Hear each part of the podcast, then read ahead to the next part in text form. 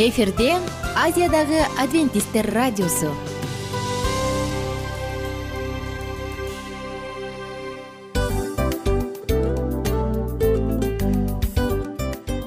Достор салют. Баардык сүйүктүү угармандарыбызга салам айтабыз. Кутман күнүңүздөр менен. Ден соолук өмүрдүн булагы демекчи саламат саамы программасында баарыңыздарды көргөнүбүзгө абдан кубанычтабыз. Анда алгач амандашып өтөлү арбаңыздар деп. Ден соолугуңуздар кандай элибизде көбүнчө ден соолук кандай дегенде эле жакшы деп жооп беребиз э? ооруп турсак дагы жакшы дейбиз. Анан мен муну айтып ойлойт элем бул абдан сонун сөз депчи анткени бул жакшы деген үмүт да э баары жакшы болот. Баары сонун. Деп үмүттөнүп атып эле өзүбүздү өзүбүз дарылап коебуз. Анысы кандай? Сиздин дагы ден соолугуңуз жакшы беш деген үмүттөбүз чындыгында ден соолук бул өмүрдүн булагы деп бекеринен айтылган эмес деп ойлойм. Кыргыз элинде анткени эгерде ден соолук жок болсо анда адамдын жашоосунда калган баардык керектүү маңыздуу нерселер өзүнүн баалуулугун жоготуп коет. Ошондуктан ден соолук бул эң керектүү нерсе. Ооба туура айтасың кесиптешим. Чынында ден соолугуң жок бир эки үч күн ооруп калсаң эле э кандай болуп калат? Жашоодо көз каранды болуп каласың көп нерсеге жетишпей каласың көп нерсени кыла албай каласың жада калса эшикке дүкөнгө да чыга албай каласың. Туптуура анан ден соолук болсо демек биз биздин бактыбыз тоодой деп койсок болот. Анда достор саламат саамы рубрикабызды баштайлы. Алдыда өзүңүзгө керектүү болгон сонун кеңештерди уга аласыздар. Мына ошондуктан биз менен бирге болуңуздар. Ал эми биз болсо милан жана айнура. Кеттик алга. Алга саламат саама ден соолуктун жарчысы. Саламат саама ден соолуктун ачкычы. Күн сайын сиз үчүн мыкты кеңештер сонун жаңылыктар кызыктуу фактылар биздин рубрикада.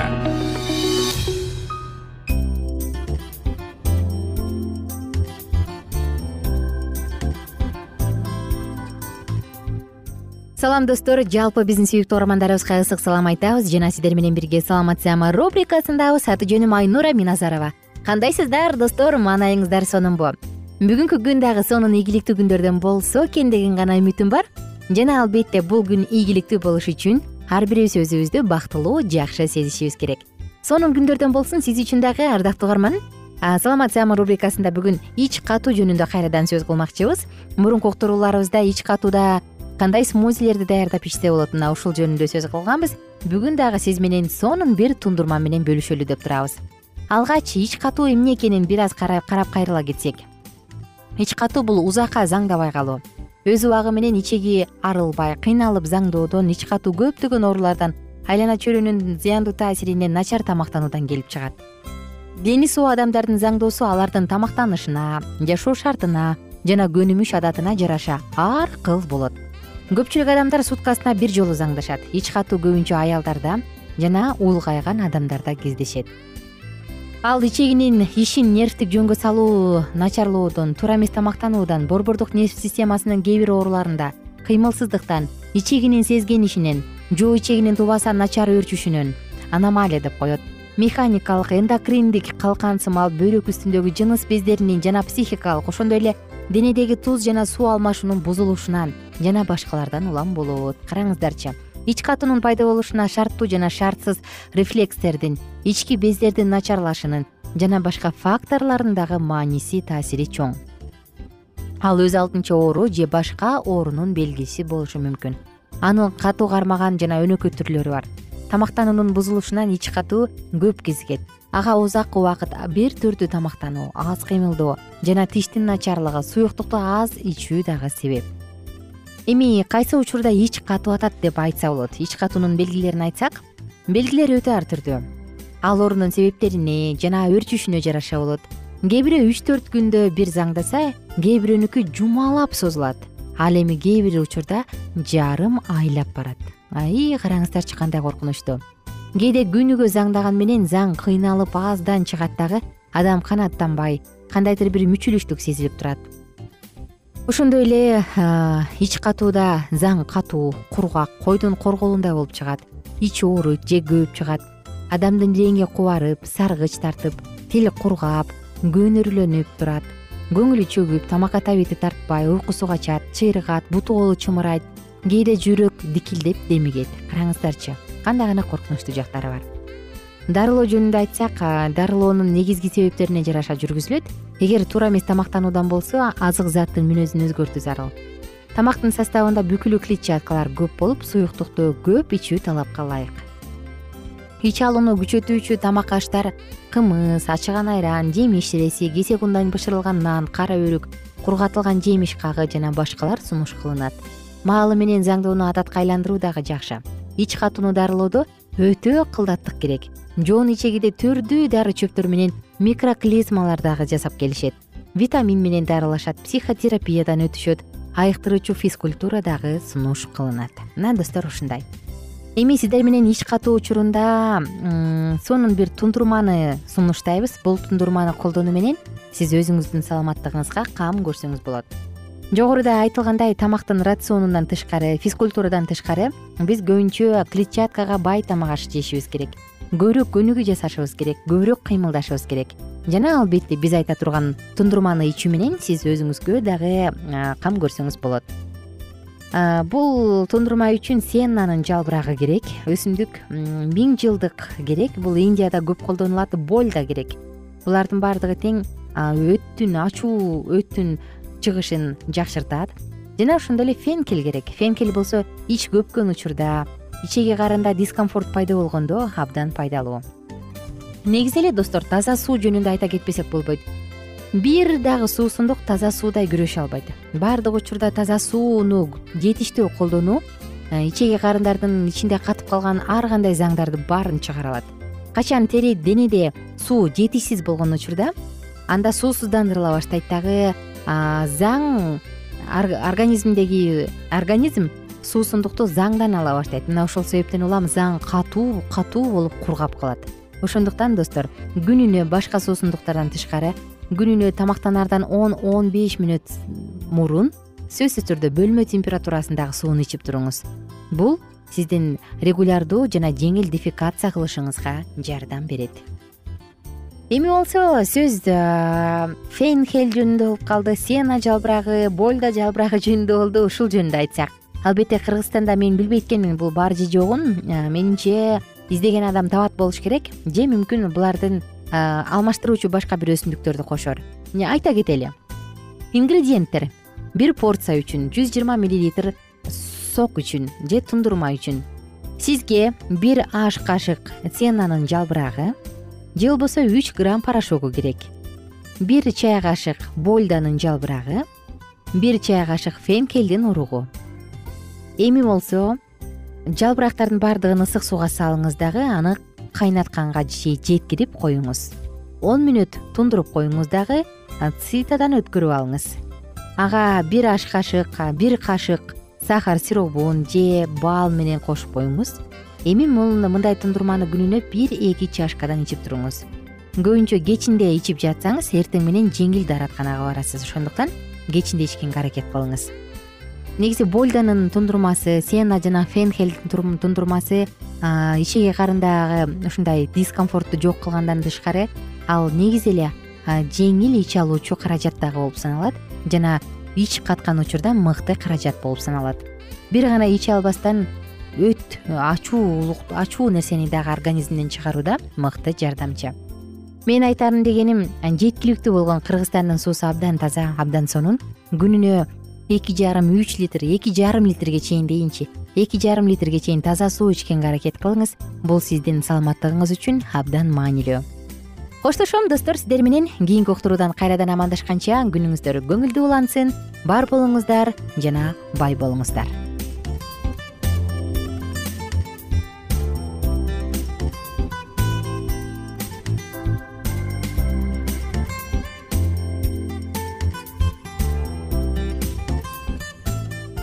кененирээк маалыматтар үчүн үч w чекит саламат чекит клуб сайтына келип таанышыңыздар. Жана андан тышкары социалдык тармактарда youtube facebook жана instagram баракчаларына катталыңыз. Саламат саама ден соолуктун жарчысы. Саламат саама ден соолуктун ачкычы. Күн сайын сиз үчүн мыкты кеңештер сонун жаңылыктар кызыктуу фактылар. Биздин рубрикада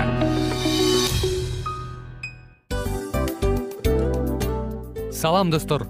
Кайрадан биздин сүйүктүү рубрикабызга кош келиңиздер деп айтмакчыбыз. Баардык замандаштарыбызга арбаңыздар деп саламыбызды айтабыз. Улуу ушундай бир э, урматтаган учурашуу менен анан дил маек радио баракчабызга чакырабыз. Негизи дил маек биздин рубрикабызда эмне жөнүндө кеп кылабыз бул дил маектин мааниси эмнеде рубрикабыз менен кичине тааныштырып кетсеңиз. Сөзсүз түрдө тааныштыра кетейин кесиптешим суранычы боюнча бул учурда бул радио баракчада биз ар тарап кесип ээлеринен сонун кеңештерди алабыз сүйлөшөбүз сырдашабыз. Аталарыбыздын эжелерибиздин апаларыбыздын кеңештерин угабыз айтор. Жан дүйнөгө адамдын э, сапатына адамдын деги эле адам болуп жашашына керектүү баардык кеңештер алдыда. Негизи э, дил маек дегенде баягы эки адамдын ортосундагы сырдашуу кенен сүйлөшүү. Негизи эле биз адамдар бири бирибиз менен бир жерге жай жерге отуруп алып өзүнчө тынч э, жашоо жөнүндө өмүрүбүздө эмне болуп атканын бөлүшкөнү жакшы көрөбүз э адамдар. Ооба туура айтасың анан э, мындай учурга кээде убакыт да жетпей келет э? Же болбосо сырыңды кайгыңды муңуңду кубанычыңды айткың келет а адамга ишенбешиң мүмкүн. Ооба. А бул радио баракча угармандарыбыздын чыныгы досу. Анткени бизден алган кеңеш сиздин жашооңузга чоң жардам берет. Ал эми сиздин бизге айта турган сөзүңүз ортодо гана сыр бойдон калат. Ошондуктан биздин дил маек рубрикабызга дагы бир жолу кош келиңиздер. Жана биз даярдаган маалыматтарга даяр болуңуздар.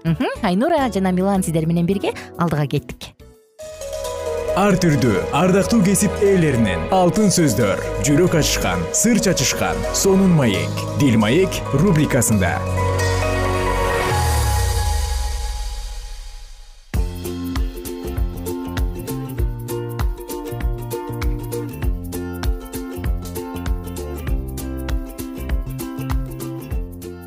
Саламатсыздарбы ардактуу угармандар. Жалпы биздин сүйүктүү досторубуз менен амандашып биз дил маек уктуруусун баштадык. Бүгүн мириам жөнүндө сөз кылабыз. Мириам негизи жогору коюлган аял бирок өзүн андан да жогору койгон аял. Бул тууралуу алдыда кененирээк сөз кылабыз достор. Алгач эске сала кетсек сиздер менен бирге аял жубай жана эне деп аталган циклды улантып жатабыз. Жана бүгүнкү уктуруубузда биз мириам жөнүндө сөз кылалы мурунку уктурууда патипардын аялы жөнүндө сөз кылганбыз. Бүгүнкү кийинки кезек мириамга келди. Кудайым мени сынап жүрөгүмдү бил мени сынап ойлорумду бил. Кара мен коркунучтуу жолдо эмесминби? Мени түбөлүктүү жолдо жетектеп жүр. Дөөттүн сыйынуусу мириам жогору коюлган бирок өзүн андан да жогору койгон аял. Фараондун аттары менен майдан арабалары жана атчан аскерлери деңизге киргенде теңир аларды карай деңиз суусун бурду. Муса эфиопиялыктардан аял алды эфиопиялыктардан аял алганы үчүн мириам менен арун аны жемеледи. Ысрайыл уулдары бүт жамаат биринчи айда син чөлүнө келип кадешке токтоду. Ошол жерде мириам каза болуп ошол жерге коюлду. Мириам жаш кезинен эле өзүн жөндөмдүү акылдуу жана зээндүү кыз катары көрсөтө алган. Энеси ага кандай иш болбосун ишенип тапшыра алган. Ал тургай кичинекейинен энесинин өмүрүн сактап калаарына дагы ишенген. Мириам фараондун кызы менен сүйлөшүп мусанын бакма энеси кылып өз апасын алууга көндүргөн. Мунун аркасында үй бүлөнүн баласы ал эми кудайдын элинин келечектеги башчысы муса аман калган. Муса байыркы келишимдеги кудай менен элдин ортосундагы арачы жана машаяктын пайгамбарлык прообразы бой жетип калганда мириам башка аялдарга үлгү боло алган. Анын мүнөзү ишеним жашоо нормасы болуп эсептелген үй бүлөдө калыптанган. Ата энеси каардуу падышанын буйругуна каршы туруу жана кичүү уулунун өмүрүн сактап калуу үчүн жетишерлик ишенимге жана сүйүүгө ээ адамдар эле. Жубайлар амрам менен жохебет ысрайылдын тарыхындагы өзгөчө үй бүлө. Бул үй бүлөдөн ысрайылдын үч улуу башчысы муса арун жана мириам төрөлгөн. Булар өз элине биргелешип кызмат кылышкан. Мириамдын тушунда аялдардын карьерасы деген түшүнүк таптакыр жок эле да. Ошого карабастан мириам эл башында турган адамдардын бири болгон. Караңыздарчы кандай кыйын адам. Кийинчерээк кудай михей пайгамбар аркылуу мен сени мисир жеринен алып чыктым. Сени жетектеп жүрүш үчүн мусаны жана арун менен мириамды жибердим деп айткан муса бул баш ийбеген өжөр мисирден канаанга алып бара жатканда ага башка ыйык кызмат кылуучу агасы арун жана анын эжеси пайгамбар аял мириам колдоо көрсөтүшкөн. Мириам муса баштаган эл менен кошо бара жаткан анын эжеси эле эмес жетекчиликти жана жоопкерчиликти өзүнө ала алган анын эң жакын жардамчысы. Мириам турмушка чыккан эмес кудай аны өзгөчө кызмат үчүн тартып алган ал аялдардын ичинен эң биринчи пайгамбар болсо керек э? Сүйлөгөн сөздөрү кылган иштери аркылуу ал кудайдын улуулугун жар салган. Анын бүтүндөй өмүрү кудайды сүйүү жана элине чын жүрөктөн кызмат кылуу менен өткөн.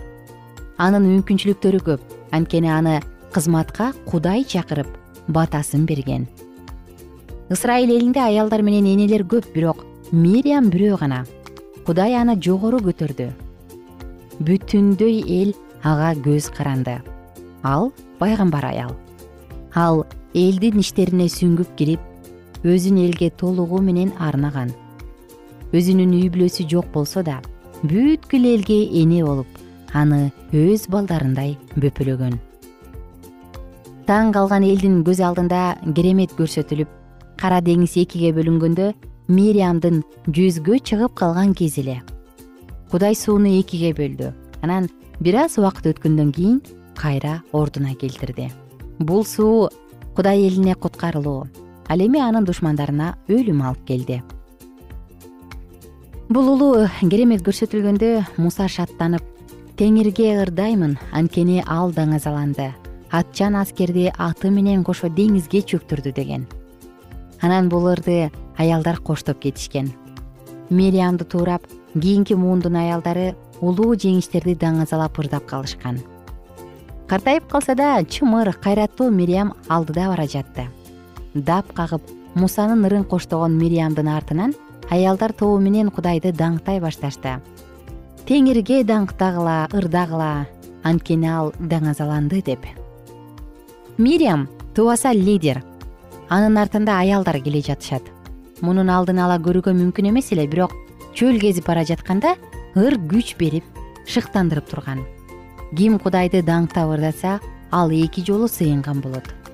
Адамдарга көп учурда бири биринин көңүлүн көтөрүп кудайдын ишенимдүүлүгүн бири бирине эскертетип турууга туура келген. Элдин тиле албастыгы коркунучтуу жазага дуушар кылаарда алар токтоп калбастан атчан аскерди аты менен кошо деңизге чөктүрдү деп ырдап жатышты. Бул аларга дем күч берген. Бирок жогорку кызмат өзү жөнүндө ой жогору ойлоону дагы пайда кылат э? Мындай сыноого мириам да каршы тура алган эмес. Ал эч кыйынчылыксыз эле жетекчилик жоопкерчилигин колуна ала турган кайраттуу аял эле. Бирок ошол эле учурда бул өзүнүн алсыз жагы экенин билген эмес. Адамдын жүрөгүнүн тереңинде эмне бар экенин анын кандай экендигин жагдай шарттар гана көрсөтөт. Ким өзү жөнүндө жогору ойлосо ал башкаларды айыптоого жөндөмдүү болуп калат. Муса экинчи аялын эфиопиялыктардан алган эле ушул нерсе мириамдын нааразычылыгын пайда кылды. Достор мириам тууралуу окуябызды биз кийинки уктурууда андан ары улантабыз. Ага чейин жалпы сүйүктүү угармандарыбыз менен убактылуу гана коштошобуз. Күнүңүздөр көңүлдүү улансын.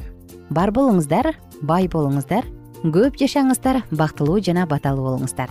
Сиздер менен убактылуу гана коштошуп кайрадан амандашканча бар болуңуздар. Достор сак саламатта туруңуздар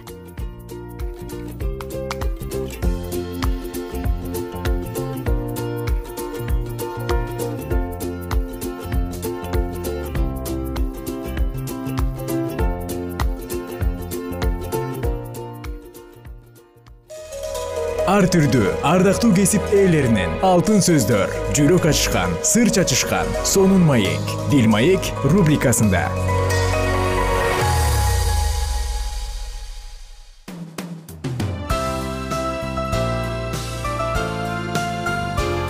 Эфирде азиядагы адвентисттер радиосу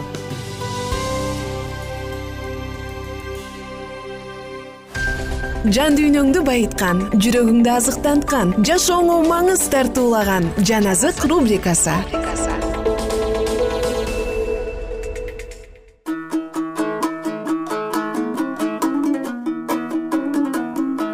Салам достор. Жалпы биздин сүйүктүү угармандарыбызга ысык салам айтып жан азык уктуруусун баштадык.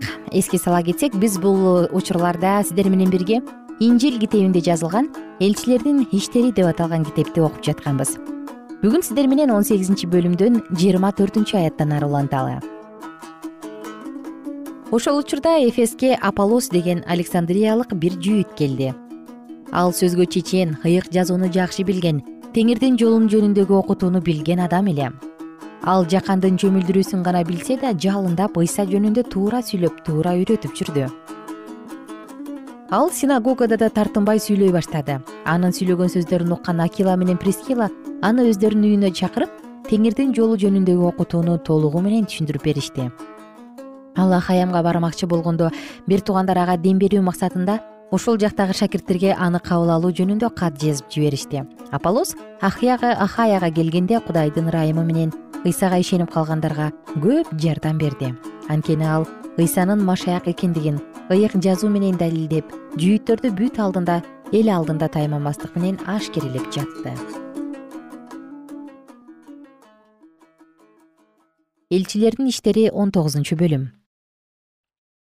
Аполлос корунтта жүргөн убакта пабыл бөксө тоолордун үстүндө жайгашкан өлкөлөрдү аралап өтүп эфеске келди да ал жерден бир нече шакиртке жолугуп ыйсага ишенип калганыңарда ыйык рухту алдыңар беле? деп сурады. Алар болсо ага ыйык рухтун бар экендигин да уккан эмеспиз деп жооп беришти.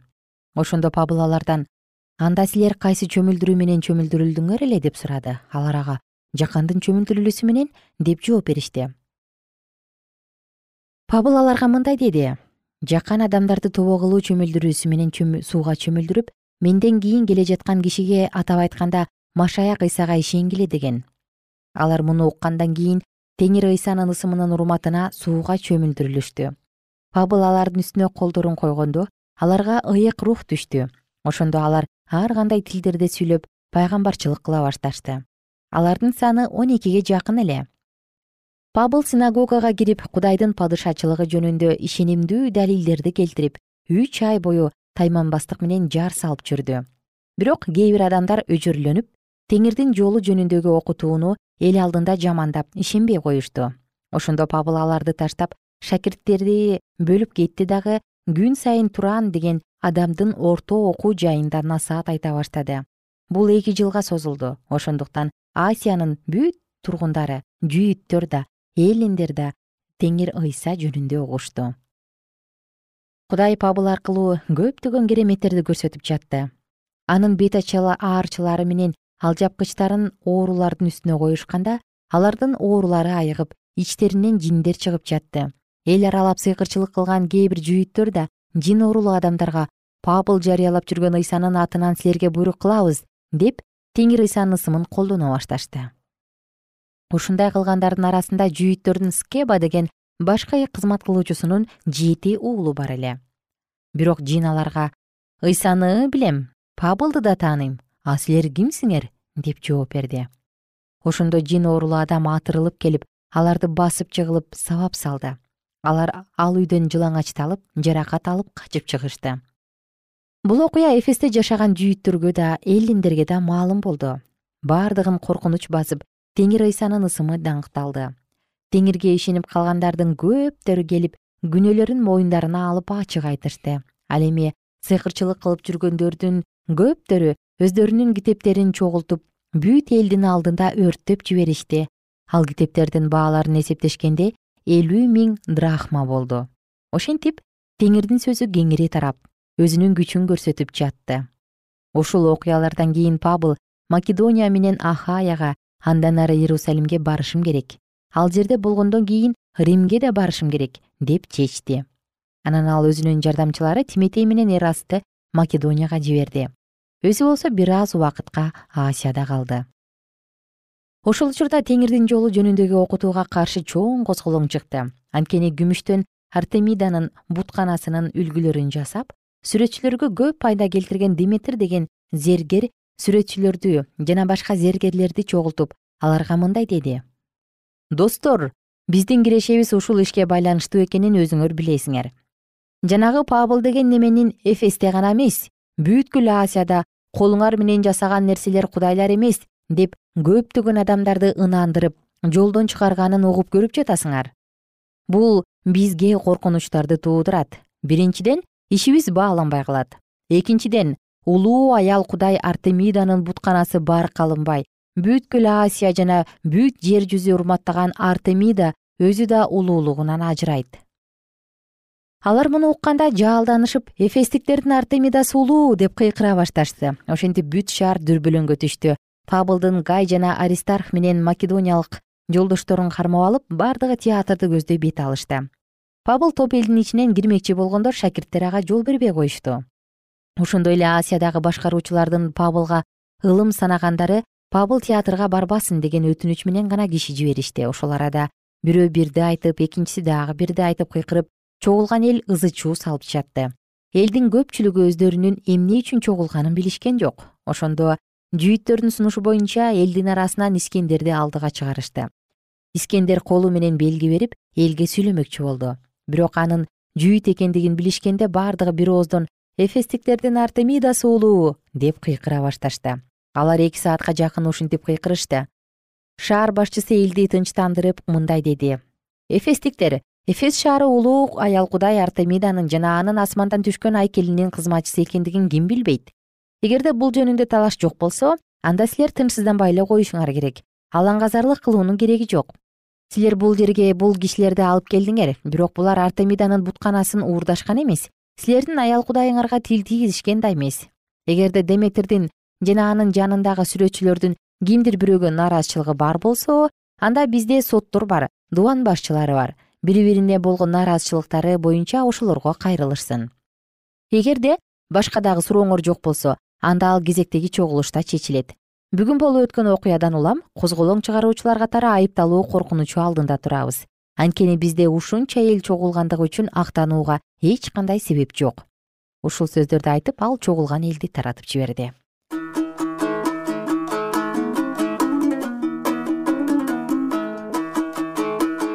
Уктуруубузду кийинкиде улантабыз. Сак саламатта туруңуздар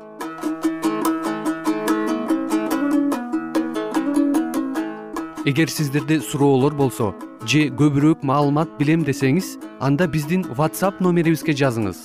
Плюс бир үч жүз бир жети жүз алтымыш алтымыш жетимиш. Кайрадан плюс бир үч жүз бир жети жүз алтымыш алтымыш жетимиш